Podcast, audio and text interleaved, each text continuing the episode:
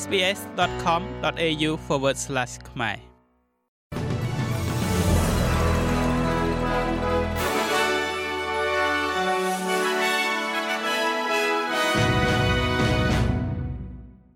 ចាសសូមស្វាគមន៍មកកាន់នេតិព័ត៌មានខ្លីៗរបស់ SBS ខ្មែរសម្រាប់ថ្ងៃច័ន្ទទី7ខែសីហាឆ្នាំ2023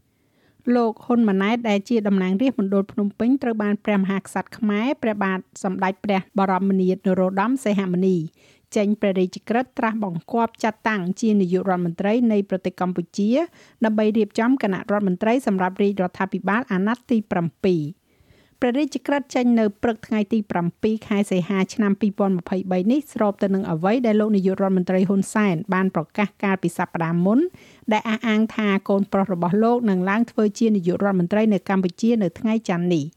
ភ្លាមភ្លាមនោះលោកហ៊ុនម៉ាណែតក៏បានតបចំពោះព្រះរាជក្រឹត្យតែងតាំងនេះដោយប្រាជ្ញាខិតខំបំពេញបេសកកម្មជាតិដ៏ឧត្តមឧត្តមថ្លៃថ្លានេះប្រកបដោយវីរភាពសេចក្តីស្មោះត្រង់និងការទទួលខុសត្រូវខ្ពស់ក្នុងការបម្រើជាតិមាតុភូមិនិងប្រជាជនកម្ពុជា ពិសេសការបន្តធានាការពារឯករាជ្យជាតិអធិបតេយ្យជាតិនិងបូរណភាពទឹកដី ការធានាការពារជាដាច់ខាតនៅរាជបល្ល័ង្ក និងរបបរាជានិយមអាស្រ័យរដ្ឋធម្មនុញ្ញនៅកម្ពុជា ការបន្តធានាការពីឲ្យបានដាច់ខាតនៅសុខសន្តិភាព និងស្ថិរភាពសង្គមជាតិការបន្តជំរុញការអភិវឌ្ឍប្រទេសជាតិឲ្យមានការរីកចម្រើនជឿនលឿននិងការលើកកម្ពស់ជីវភាពរស់នៅរបស់ប្រជាជនកម្ពុជាក៏ដូចជាការបន្តលើកស្ទួយកិត្យានុភាពជាតិនៅលើឆាកអន្តរជាតិ ចាត់ដំណឹងជាបន្តគឺអតីតនាយករដ្ឋមន្ត្រីប៉ាគីស្ថានលោកអ៊ីមរ៉ាន់ខានត្រូវបានកាត់ទោសឲ្យជាប់ពន្ធនាគាររយៈពេល3ឆ្នាំជុំវិញការចោទប្រកាន់អំពើពុករលួយ។តុលាការទីក្រុងអ៊ីស្លាមាបាតបានរកឃើញថាលោករដ្ឋមន្ត្រីមានទោសមិនបានប្រកាសប្រាក់ដែលរកបានពីការលក់អំណោយរបស់រដ្ឋលោកខាន់ត្រូវបានគេនាំចេញពីផ្ទះរបស់លោកក្នុងទីក្រុងឡាហ័រយកទៅឃុំខ្លួនបន្ទាប់ពីសាលក្រមនេះ លោកកំពុងជំរុញឲ្យអ្នកដើរតាមលោកតវ៉ាប្រឆាំងទៅនឹងការសម្រេចរបស់តុលាការ។សូមបញ្ជាក់ថាអតីតនាយករដ្ឋមន្ត្រីរូបនេះបានជាប់ឆ្នោតនៅឆ្នាំ2018ប៉ុន្តែត្រូវបានបណ្តេញចេញពីតំណែងតាមរយៈការបោះឆ្នោតមិនទុកចិត្តកាលពីឆ្នាំមុន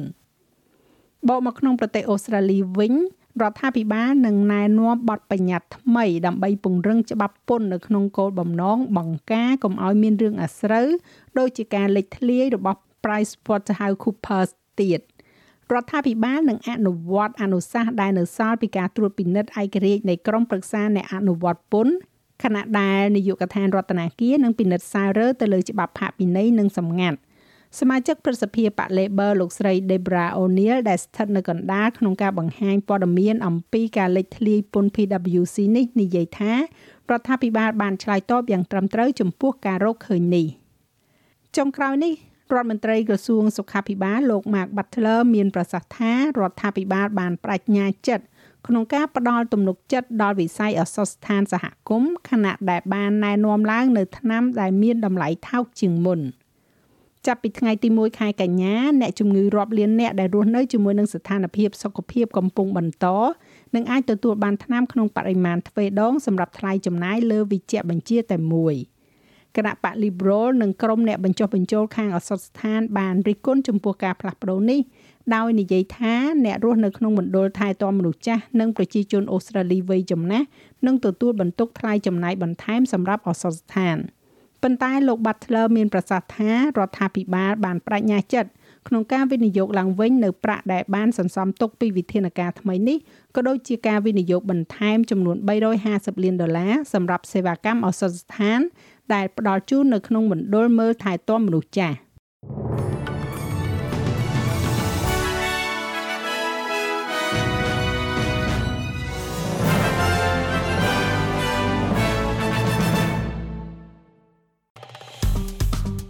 ចុច like share comment និង follow SPS ខ្មែរនៅលើ Facebook